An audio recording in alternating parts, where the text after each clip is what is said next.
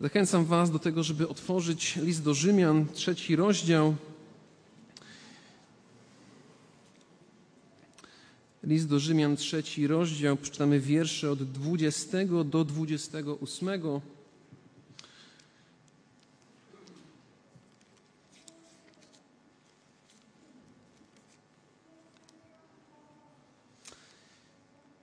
I czytamy następujące słowa. Dlatego z uczynków zakonu nie będzie usprawiedliwiony przed nim żaden człowiek, gdyż przez zakon jest poznanie grzechu. Ale teraz, niezależnie od zakonu, objawiona została sprawiedliwość Boża, o której świadczą zakon i prorocy.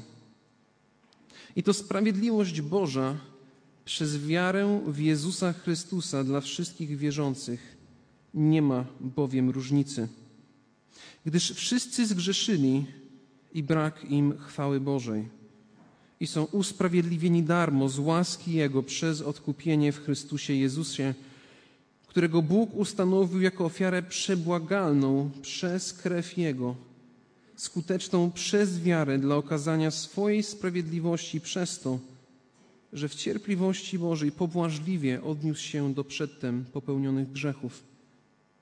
Dla okazania sprawiedliwości swojej w teraźniejszym czasie, aby On sam był sprawiedliwym i usprawiedliwiającym tego, który wierzy w Jezusa. Gdzież więc chluba Twoja, wykluczona przez jaki zakon uczynków? Bynajmniej, lecz przez zakon wiary. Uważamy bowiem, że człowiek bywa usprawiedliwiony przez wiarę, niezależnie od uczynków zakonu. I moi drodzy, tak jak już było w tym krótkim wprowadzeniu wspomniane, tutaj, jeżeli chodzi o te różne reguły życia protestanckiego, reguły, które wynikają właśnie z różnych dyskusji mających miejsce w XVI wieku, to dzisiejsze kazanie właśnie ma się tyczyć jednej z tych reguł. To ma być kazanie dotyczące właśnie zbawienia tylko z wiary i zrozumienia tego dogłębnie. Myślę, że dzisiejsze nabożeństwo jest nabożeństwem ważnym. Oczywiście z tego powodu, że zgromadzamy się jako Boży lud i Bóg błogosławi, kiedy Boży lud się po prostu spotyka razem. Ale również właśnie z tego powodu, że dzisiaj mamy taką szczególną okazję do tego, żeby przypomnieć sobie pewne podstawowe prawdy wiary. Zwracamy Ci uwagę na prawdy wiary, które dla wielu ludzi dzisiaj wydają się nieważne i nieistotne. Jeżeli byśmy spojrzeli szeroko na świat ewangelikalny, to dla wielu ludzi dzisiaj właśnie takie święto jak dzisiejsze jest niepotrzebne, jest nieistotne, jest nieważne. Ktoś mógłby stwierdzić, że przecież świętujemy podział w kościele. Czy nie lepiej patrzeć na jedność i się zastanawiać właśnie nad tym, jak jej szukać? Jednak to, co dzisiaj świętujemy, nie ma nic wspólnego z podziałami, ale świętujemy powrót do istoty biblijnej Ewangelii, do światła tego, w jaki sposób my możemy stanąć przed Bogiem, do tego, jak Bóg chce, abyśmy do Niego przychodzili. Świętujemy powrót do biblijnej perspektywy na zbawienie. Jedną z przykrych rzeczy współcześnie dzisiaj jest to, że właśnie wielu ewangelikalnie wierzących ludzi nie rozumie tych podstaw, nie rozumie tego, co to jest usprawiedliwienie z wiary. Gdyby zadać im pytanie, co nas wyróżnia dzisiaj od rzymskich katolików, to wiele osób by powiedziało, że nie mamy świętych, bo nie mamy. Ktoś inny by może zwrócił uwagę na to, że nie mamy obrazów, również i tego nie mamy. Ktoś powie, że najważniejsze jest u nas Pismo Święte i to jest prawda. Ale jednak nie byłoby tego, co najistotniejsze, tego, co w praktyce, w kontekście zbawienia nas odróżnia.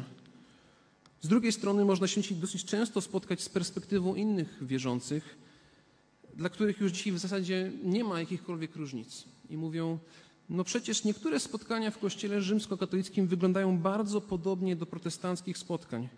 Też mają spotkania młodzieżowe, mają festiwale muzyczne, mają zespoły uwielbienia, które wyglądają bardzo podobnie do naszych. To czy w ogóle jest o co tu się zastanawiać, o co się kłócić? Czy w ogóle o takich rzeczach warto mówić, skoro to jest tylko jakaś mała różnica teologiczna i nie powinniśmy się tym przejmować, bo jest to wyłącznie dzielenia włoso, dzielenie włoso na czworo. Jednak takie spojrzenie naprawdę zapomina o tym, że jest jedna potężna, nie do przeskoczenia przeszkoda. Jest to przeszkoda w postaci zupełnie innego pojmowania zbawienia w Kościele rzymskokatolickim. Uczciwy rzymskokatolik chętnie o tym powie, porozmawia, wyjaśni, tylko z naszej perspektywy takiej ewangelicznej, my często jesteśmy ułudni w tej perspektywie, bo my chcemy w nadziei myśleć, że coś się może zmieniło. Jest potężna różnica między tym, co naucza oficjalnie Kościół katolicki, a pomiędzy tym, co jest ujęte właśnie w Piśmie Świętym. To właśnie z powodu tej różnicy już ponad 500 lat temu wybrzmiały dzwony reformacji i wybrzmiało to, o czym dzisiaj będziemy chcieli więcej powiedzieć w tym kazaniu. Tą istotną różnicą jest właśnie rozumienie tego, czym jest usprawiedliwienie z wiary. Dlaczego jest to ważne dzisiaj?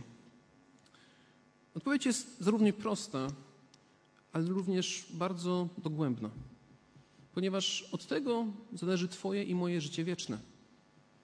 To, jak patrzymy na Boże Słowo i kiedy je czytamy i się zastanawiamy, w jaki sposób dzisiaj ja mogę przyjść do Boga. Co ja muszę zrobić, aby być blisko Boga? To jest chyba jedna z takich rzeczy, które chcemy w naszym życiu. To są pytania, które wielu ludzi sobie dzisiaj zadaje. I mamy na to dwie różne odpowiedzi. Jeżeli nie rozumiemy biblijnej doktryny dotyczącej usprawiedliwienia z wiary, to nie tylko może prowadzić do konsekwencji wiecznych, ale mamy obecnie bardzo często konsekwencje doczesne, dobrze widoczne. Najbliższym przykładem, w najbliższych dniach nawet, w najbliższym czasie jest przykład dnia 2 listopada, uznawany za dzień zaduszny. I tego dnia tysiące ludzi w naszym kraju będzie modliło się za dusze czyśćcowe. Będą modlić się o to, żeby skrócić męki aby ten czas oczyszczania, spłacania długu sprawiedliwości wobec Boga był skrócony. Innym przykładem jest wciąż możliwość uzyskania w Kościele Rzymskim odpustu zupełnego, który ma służyć temu, żeby do czyśćca nie trafić. Dla tych, co nie wiedzą, to odpusty zupełne mają być takim kwitem, który, jeżeli umrze się krótko po uzyskaniu odpustu, to pomija się długi etap wieczności w postaci męk czyśćcowych po to, żeby bezpośrednio trafić do nieba. Można pominąć czyściec, można ominąć ten czas. Ale dlaczego o tych rzeczach mówimy? Dlaczego w tym kazaniu o tym mówimy? Dlaczego w ogóle takie czy warto wspomnieć na początku? Ponieważ w perspektywie Kościoła rzymskokatolickiego sprawiedliwość jest procesem trwającym całe życie, który rozpoczyna się przez chrzest, ale wymaga współpracy wiernego z Bożą łaską do tego, aby na końcu pozyskać doskonałą sprawiedliwość. I sprawiedliwość nie jest rzeczą raz na zawsze dokonaną. Jest to sprawiedliwość, którą trzeba pozyskać przez życie, przez sakramenty, przez życie kościelne i dopiero przy doskonałej sprawiedliwości Bóg może stwierdzić, że ja jestem sprawiedliwy. To wciąż jest aktualna perspektywa. I wiele osób wciąż w to wierzy, a my czasami łudnie myślimy, że to już gdzieś minęło, bo się jakieś formy pozmieniały. Miałem okazję w czerwcu być z żoną na wyjeździe we Wrocławiu. W jednej z bazylik tam wchodzi się do tej bazyliki i na ścianie jest taka zielona narzuta, gdzie jest opisane dokładnie to, co człowiek w kościele musi uczynić, aby uzyskać odpust. Dla niektórych wydaje się, że to jest średniowieczne myślenie, że to dzisiaj już nie jest aktualne, ale jednak wciąż wielu ludzi tak, tak myśli. Ale już nie mówiąc nawet o perspektywie Kościoła rzymskiego, to wielu ludzi dzisiaj wciąż myśli, że zbawienie może pozyskać przez to, że jest dobrym człowiekiem, że poprzez własne dobre uczynki może zbliżyć się do Boga, już nie obierając to w ładne teologiczne sformułowania, ale jest to po prostu naturalny stan naszej duszy ponieważ my jako ludzie bardzo tego chcemy.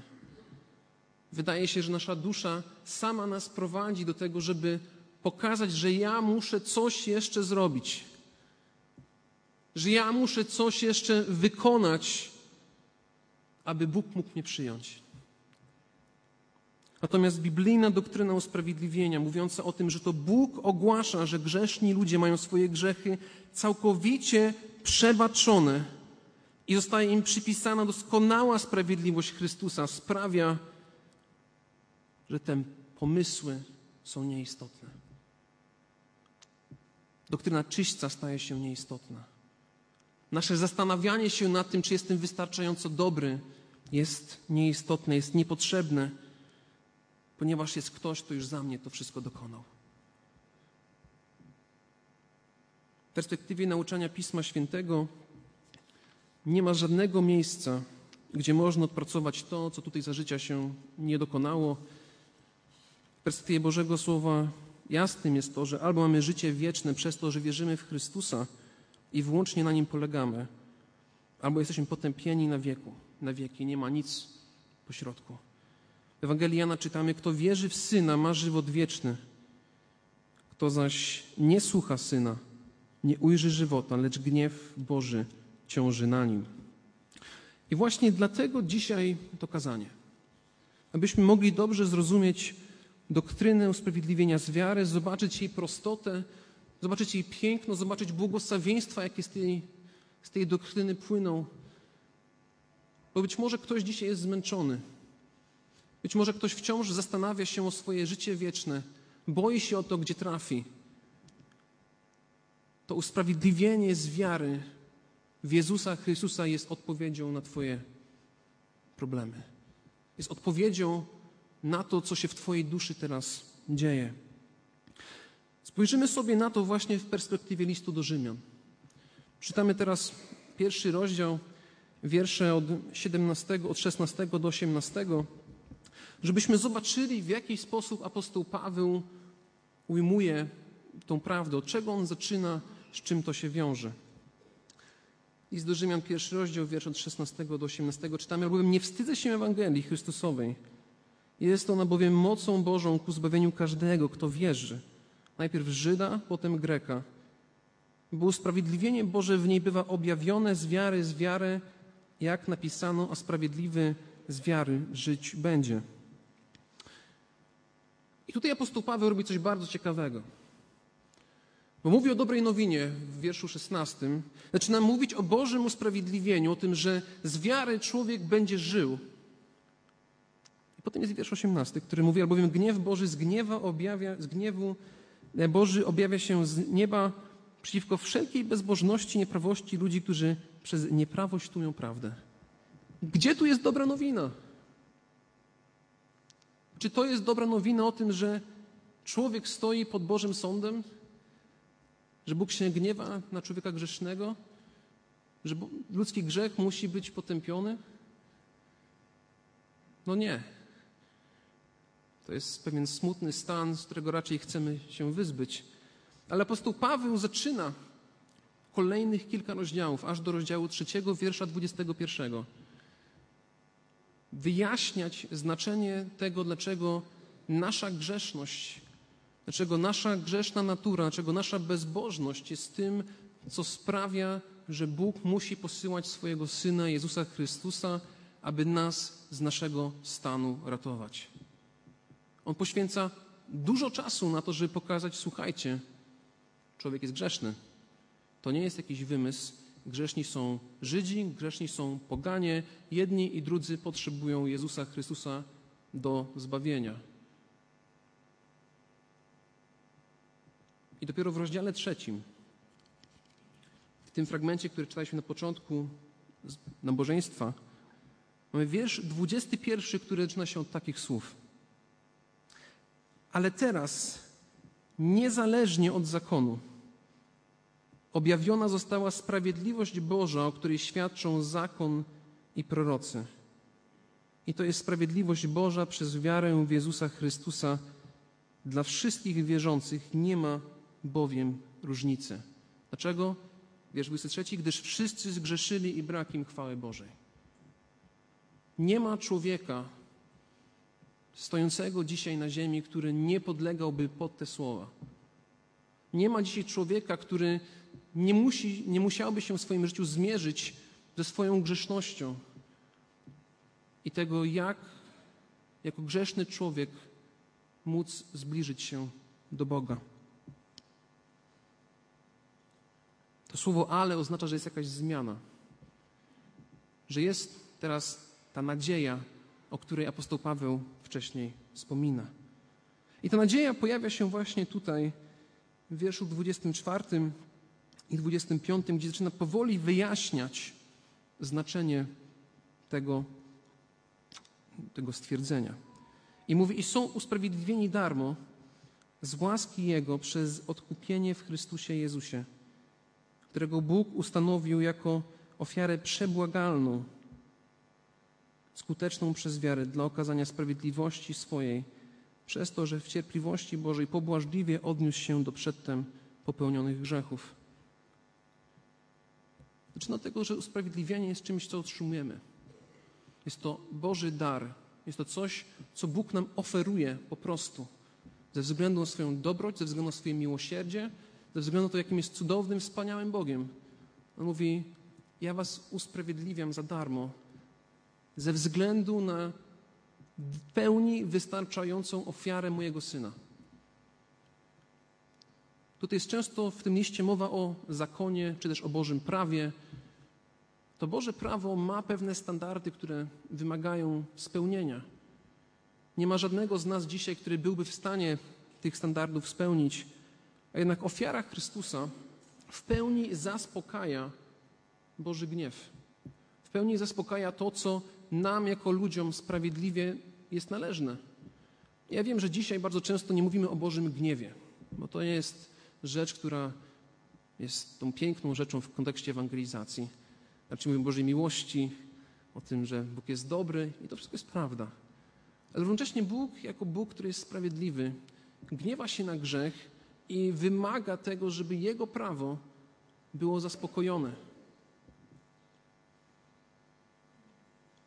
Również wymaga tego, żeby było w pełni spełnione. Nikt z nas tu siedzący nie jest w stanie w stu procentach tego prawa zaspokoić. Dlatego od zawsze, poza tymi standardami, które Bóg wyznacza, już w Starym Testamencie jest zapowiedź kogoś, kto zapewni zbawienie.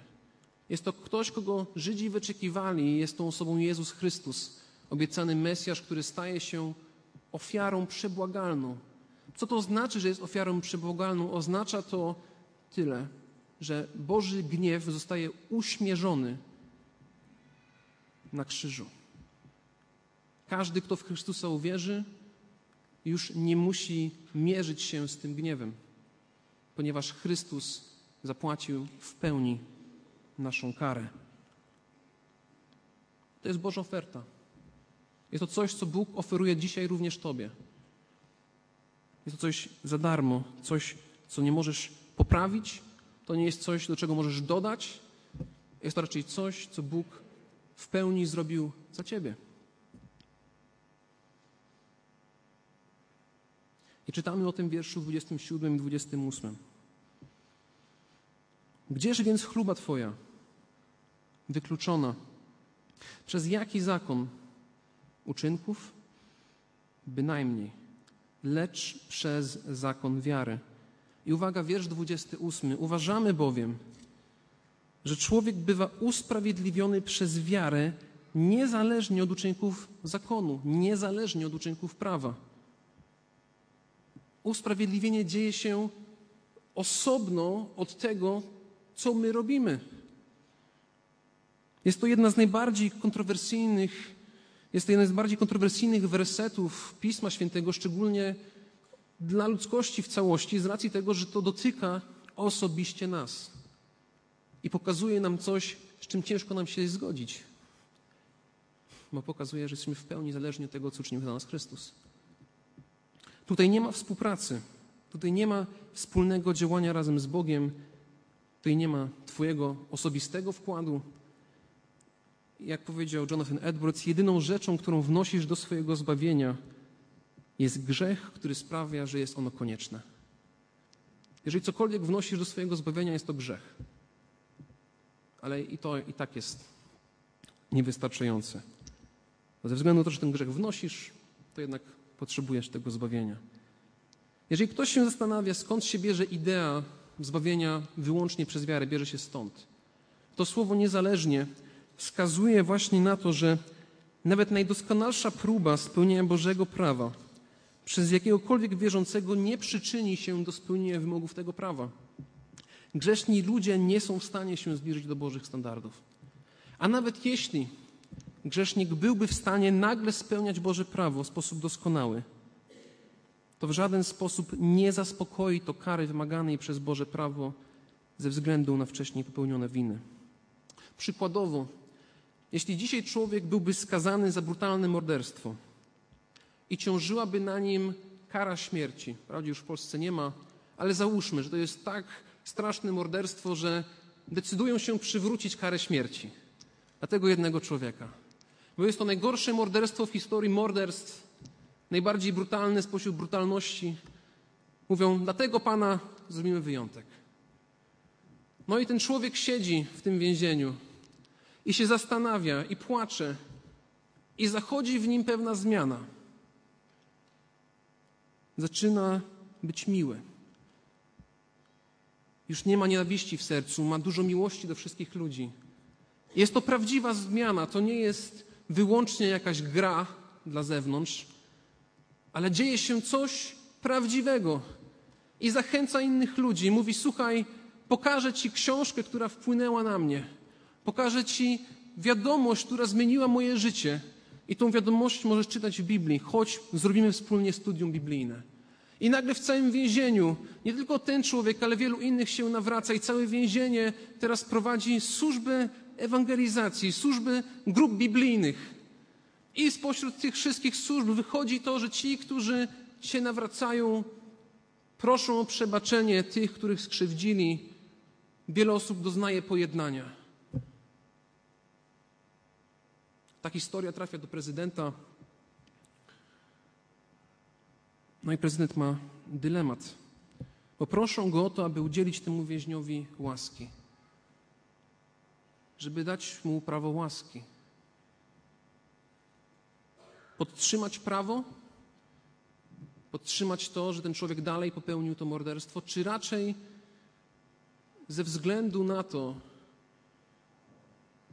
że coś się tam zmieniło, zaczął działać, można to zmienić. W żaden sposób dobro, które miało miejsce w więzieniu, nie zniwelowało kary wymaganej za grzech to w żaden sposób nie umniejszyło tego, co było na początku. Ktoś zginął, ktoś domaga się sprawiedliwości. I tak samo jest z nami. Żadne nasze ludzkie działania, żadna nasza pokuta nie przyczynia się do naszego usprawiedliwienia. Jesteśmy usprawiedliwieni, usprawiedliwieni przez wiarę w Jezusa Chrystusa ze względu wyłącznie na Jego dzieło. To Jezus na krzyżu zapłacił karę za grzech i to tylko dzięki Jego doskonałemu życiu i doskonałej ofierze my możemy i jesteśmy usprawiedliwieni. Ponieważ to On w pełni zaspokoił żądania prawa w nasze miejsce. W naszym przypadku, kiedy my zaufamy Chrystusowi, kara zostaje poniesiona. On zajmuje nasze miejsce. Natomiast my przyjmujemy błogosławieństwa płynące z tego poprzez wiarę. I widzimy to doskonale w rozdziale czwartym, gdzie apostoł Paweł pokazuje pewien przykład, przykład z historii Izraela, że to nie jest jakiś jego wymysł, że ta idea to nie jest po prostu pomysł apostoła Pawła, jak to czasami można usłyszeć, że to jest przejaw teologii Pawłowej. To jak ktoś się zna na teologii, to wie o co chodzi. To nie jest wymysł apostoła Pawła. To nie jest wymysł Nowego Testamentu. Apostoł Paweł cofa się do Starego Testamentu, żeby pokazać, że idea tego, że tylko człowiek poprzez wiarę dostępuje usprawiedliwienia, pojawia się już wcześniej. Czytamy wiersz od pierwszego do szóstego. Cóż wtedy powiemy? Co osiągnął Abraham, praojciec nasz, według ciała? Bo jeśli Abraham z uczynków został usprawiedliwiony, ma się z czego chlubić, ale nie przed Bogiem. Bo co mówi Pismo? Uwierzył Abraham Bogu i poczytane mu to zostało za sprawiedliwość. A gdy kto spełnia uczynki, zapłaty za nie nie uważa się za łaskę, ale za należność. Gdy zaś kto nie spełnia uczynków, ale wierzy w tego, który usprawiedliwia bezbożnego, wiarę jego poczytuje mu się za sprawiedliwość. Jaki Dawid nazywa błogosławionym człowieka, któremu Bóg udziela usprawiedliwienia i ponownie niezależnie od uczynków. Apostoł Paweł zadaje pewne pytanie. Mówi, bo jeśli Abraham z uczynków został usprawiedliwiony, to ma się z czego chlubić, ale nie przed Bogiem. Bo co mówi Pismo? To jest pewne pytanie retoryczne. Gdzie on wcześniej mówił, nikt nie jest usprawiedliwiony, jak tylko przez wiarę, nikt nie jest usprawiedliwiony wyłącznie przez, nikt nie jest usprawiedliwiony przez swoje uczynki. A teraz mówi, ale on został. A potem jest, ale nie przed Bogiem. Bo jeżeli my cokolwiek wnosimy do naszego usprawiedliwienia, naszego zbawienia, to naturalnie będzie rodziło to w nas pychę. Będziemy mieli prawo do tego, żeby się chlubić i się chwalić przed innymi ludźmi. Słuchajcie, spójrzcie, ile to ja zrobiłem, żeby teraz być przy Bogu. Bogu to nie imponuje. Bogu to w żaden sposób nie imponuje. Jeżeli ktoś chce się chwalić, proszę bardzo, niech się chwali, niech opowiada jakiś cudowny, wspaniały, dobry, niesamowity. Ale Bogu to nie imponuje. Ma się z czego chlubić, ale nie przed Bogiem. A potem widzimy, że tak naprawdę Abraham uwierzył Bogu i to mu zostało poczytane za sprawiedliwość. Dlaczego jest to ważne? Dlaczego to rozróżnienie jest tak ważne? Bo wiersz czwarty nam to dobrze wyjaśnia. Mówi, jak gdy kto spełnia uczynki, zapłaty za nie nie uważa się za łaskę, lecz za należność. Kiedy uważamy, że nasze zbawienie zależne od nas w jakiś sposób, to równocześnie nie postrzegamy tego dzieła jako dzieła Bożej łaski, Bożej dobroci, Bożego daru dla nas. Raczej patrzymy na to z perspektywy tego, że ja na to zasłużyłem, więc mi się należy. To powinno było mi się pojawić w moim życiu. No jak to Pan Bóg nie spojrzy na to, co ja zrobiłem? Nie zwróci uwagi na to, ile ja dla Niego zrobiłem? No Panie Boże, no spójrz, jaki ja jestem wspaniały. Teraz poproszę moją zapłatę. Do tego prowadzi zbawienie z uczynków. Do takiej perspektywy, ale równocześnie prowadzi do takiej świadomości, czy ja na pewno wystarczająco dużo zrobiłem. Bardzo rzadko można spotkać takich ludzi, którzy się chwalą tym, że są doskonali, wspaniali, że są tacy cudowni, że Bóg musi ich przyjąć. Raczej perspektywa druga, która wiąże się z tym, wiąże się z tym, że czujemy się nieadekwatnie do sytuacji. Czujemy, że nie zrobiliśmy wystarczająco dużo dla Boga. Ale jeżeli ktoś ma taką obawę, to wiersz piąty jest odpowiedzią. Jest napisane, gdy zaś kto nie spełnia uczynków, ale wierzy tego, który usprawiedliwia bezbożnego, wiarę jego poczytuje mu się za sprawiedliwość. To jest przypisanie sprawiedliwości Chrystusa. Jest to zewnętrzna sprawiedliwość i można to zobrazować w taki sposób, że wyobraźcie sobie, że macie na sobie założoną najbrudniejszą ze swoich białych koszul. Taką pełną w plamach od różnych soków, od jakiegoś błota. I to jest nasz stan obecny. To obrazuje stan naszej duszy. Ale kiedy mówimy o tym, że sprawiedliwość Chrystusa jest nam przypisana, to można sobie to wyobrazić jako założenie koszuli Chrystusa, która zakrywa tą koszulę pod nami. I to jest koszula, która jest splamiona, ale splamiona Jego krwią. Drogocenną krwią, którą On przelał na krzyżu za nas. I kiedy zbliżamy się do Boga po śmierci, to Bóg nie patrzy na tą koszulę, która znajduje się pod. On patrzy na tą koszulę, z którą my przychodzimy przed Niego. On widzi tą krew widzi tą sprawiedliwość Chrystusa i mówi: O, witam w domu, synu, córko. Witam, zapraszam. To jest sprawiedliwość, to jest poczytanie nam sprawiedliwości. To nie znaczy, że teraz my jesteśmy dobrymi ludźmi, że staliśmy się dobrymi ludźmi, ale że dobro Chrystusa, Jego sprawiedliwość jest teraz naszą sprawiedliwością. Jest to Boża deklaracja sprawiedliwości. On tego, który nie znał grzechu, za nas grzechem uczynił, abyśmy w nim stali się sprawiedliwością Bożą. Drugi list do Koryntian, 5 rozdział, wiersz 21. Stąd możemy mówić o czymś takim, jesteśmy grzeszni i usprawiedliwieni równocześnie, bo nasza natura jeszcze wymaga tej odnowy i wierzymy w proces uświęcenia, że Bóg nas przemienia, odnawia, ale równocześnie jesteśmy grzeszni, upadamy. I to potrafi nas męczyć. Potrafi nas wpływać w taki sposób, że czasami wątpimy w to, czy na pewno dobrze zaufaliśmy, czy nasza wiara jest wystarczająca. I skoro sprawiedliwość Chrystusa jest nam przepisana, to oznacza właśnie dwie rzeczy dla naszej wiary. Po pierwsze, nie musimy się martwić tym, czy zrobiliśmy wystarczająco dużo. Stąd usprawiedliwienie z wiary jest tak uwalniające, ponieważ to Chrystus uczynił za mnie najlepszy uczynek, a moje najlepsze nawet nie są w stanie się do Niego zbliżyć. Może właśnie masz dzisiaj takie poczucie, że nie jesteś wystarczająco godny.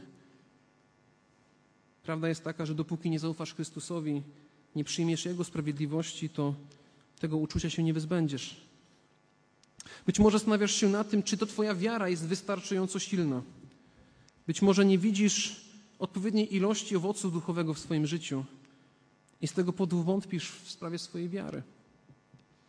To zachęcam Ciebie dzisiaj, żebyś spojrzał na Chrystusa, żebyś chwycił się Jego sprawiedliwości, żebyś doznał uwalniającej mocy Jego przebaczenia, żebyś zdawał sobie sprawę z tego, że ani śmierć, ani życie, ani owe nic nie jest w stanie nas wyrwać z miłości Boga. To są tylko dwa praktyczne aspekty związane z usprawiedliwieniem z wiary. Ale wynikają właśnie przez to, że wiarę, przez wiarę pozyskujemy wszelkie błogosławieństwa płynące z życia, śmierci i zmartwychwstania naszego Pana Jezusa Chrystusa. Mamy grzechy przebaczone, to jest wiersz siódmy, błogosławieni, którym są grzechy odpuszczone i nieprawości. Błogosławiony mąż, któremu Pan grzechu nie poczyta. To jest błogosławieństwo. Bóg nie wspomni Ci Twoich grzechów, kiedy spotkasz się w Nim niebie. Powie, mój Syn Jezus Chrystus. Bardzo dobrze. Mój Syn Jezus Chrystus jest Twoją sprawiedliwością? Zapraszam. Nie będzie ten grzech wspomniany. W liście do Rzymian czytamy również o, o tym, że mamy pokój z Bogiem. Usprawiedliwieni wtedy z wiary, pokój mamy z Bogiem przez Pana naszego Jezusa Chrystusa. Jesteśmy pojednani z Bogiem jako ludzie grzeszni. Mamy pewność zbawienia. Mamy, nasze zbawienie nie jest oparte o nasze odczucia ani starania, ale fakt tego, że jesteśmy sprawiedliwi przed Bogiem przez posłuszeństwo Chrystusa. Czytamy, Bóg zaś daje dowód swojej miłości ku nam przez to, że kiedy byliśmy jeszcze grzesznikami, Chrystus za nas umarł. Teraz tym bardziej usprawiedliwieni krwią Jego będziemy od Niego zachowani od gniewu. To jest fakt. To jest coś, co się dokonało. Przychodzimy do Boga, Bóg nie patrzy na nas, patrzy na Chrystusa. Co więcej, jesteśmy adoptowani do Bożej rodziny. Możemy z całą pewnością nazywać się dziećmi Bożymi. I być może to, co jest takie naj, najczęstsze w przypadku nawet człowieka wierzącego, to są oskarżenia naszego własnego sumienia. I w liście do Rzymian czytamy, któż będzie oskarżał wybranych Bożych? Przecież co? Przecież Bóg usprawiedliwia. To jest list do Rzymian, 8 rozdział, wiersz 33. I potem wiersz 34 mówi, któż będzie potępiał? Jezus Chrystus, który umarł, więcej zmartwychwstał, który jest po prawicy Boga, ten przecież wstawia się za nami. W przypadku wątpliwości, strachu lub oskarżeń sumienia możemy powołać się na Chrystusa. Jak wiemy, życie człowieka wierzącego jest różne. Mamy chwile, gdzie wydaje nam się, że dobrze nam idzie, jest całkiem w porządku. A potem są te chwile, które sprawiają, że czujemy się tak daleko od Boga, jak to jest tylko możliwe. Natomiast kiedy rozumiemy Boże usprawiedliwienie, to w tych najciemniejszych momentach naszego życia, tych najtrudniejszych, mamy się kogo chwycić. Bo Chrystus za nas w pełni zapłacił, niezależnie od naszych uczynków. To nie oznacza, że teraz możemy żyć jak nam się podoba. To nie oznacza, że mamy prawo teraz robić to, na co mamy tylko ochotę. No to, jak żyjemy, powinno wskazywać na tego, który nas odkupił. List do Galacjan mówi o tym owocu ducha, o tym, żeby żyć w duchu. Natomiast sam fakt tego, jak przychodzimy do Boga, kończy się wyłącznie na skończonym dziele Jezusa Chrystusa. Jeżeli dzisiaj masz wyjść z tego kazania z jedną rzeczą, bo chciałbym, żebyś zapamiętał właśnie to, że nie masz nic, co możesz włożyć do swojego zbawienia i Chrystus w pełni zapłacił za Twoje winy. Na krzyżu została objawiona Boża sprawiedliwość. I dzisiaj, jeżeli zaufasz Chrystusowi, to ta sprawiedliwość jest Twoją sprawiedliwością. Masz na sobie nową koszulę, która jest koszulą Chrystusa. I Bóg już nie patrzy na Twój grzech, ale patrzy na Chrystusa, który ten grzech zapłacił. Moi drodzy, to jest tak cudownie uwalniająca myśl. Jest to to, co sprawia w nas, że chcemy oddawać Bogu chwałę, chcemy za Nim podążać, bo widzimy, jak wiele On dla nas uczynił i jak bardzo my nie jesteśmy w stanie nawet w pełni odwdzięczyć się za to, co dla nas zrobił.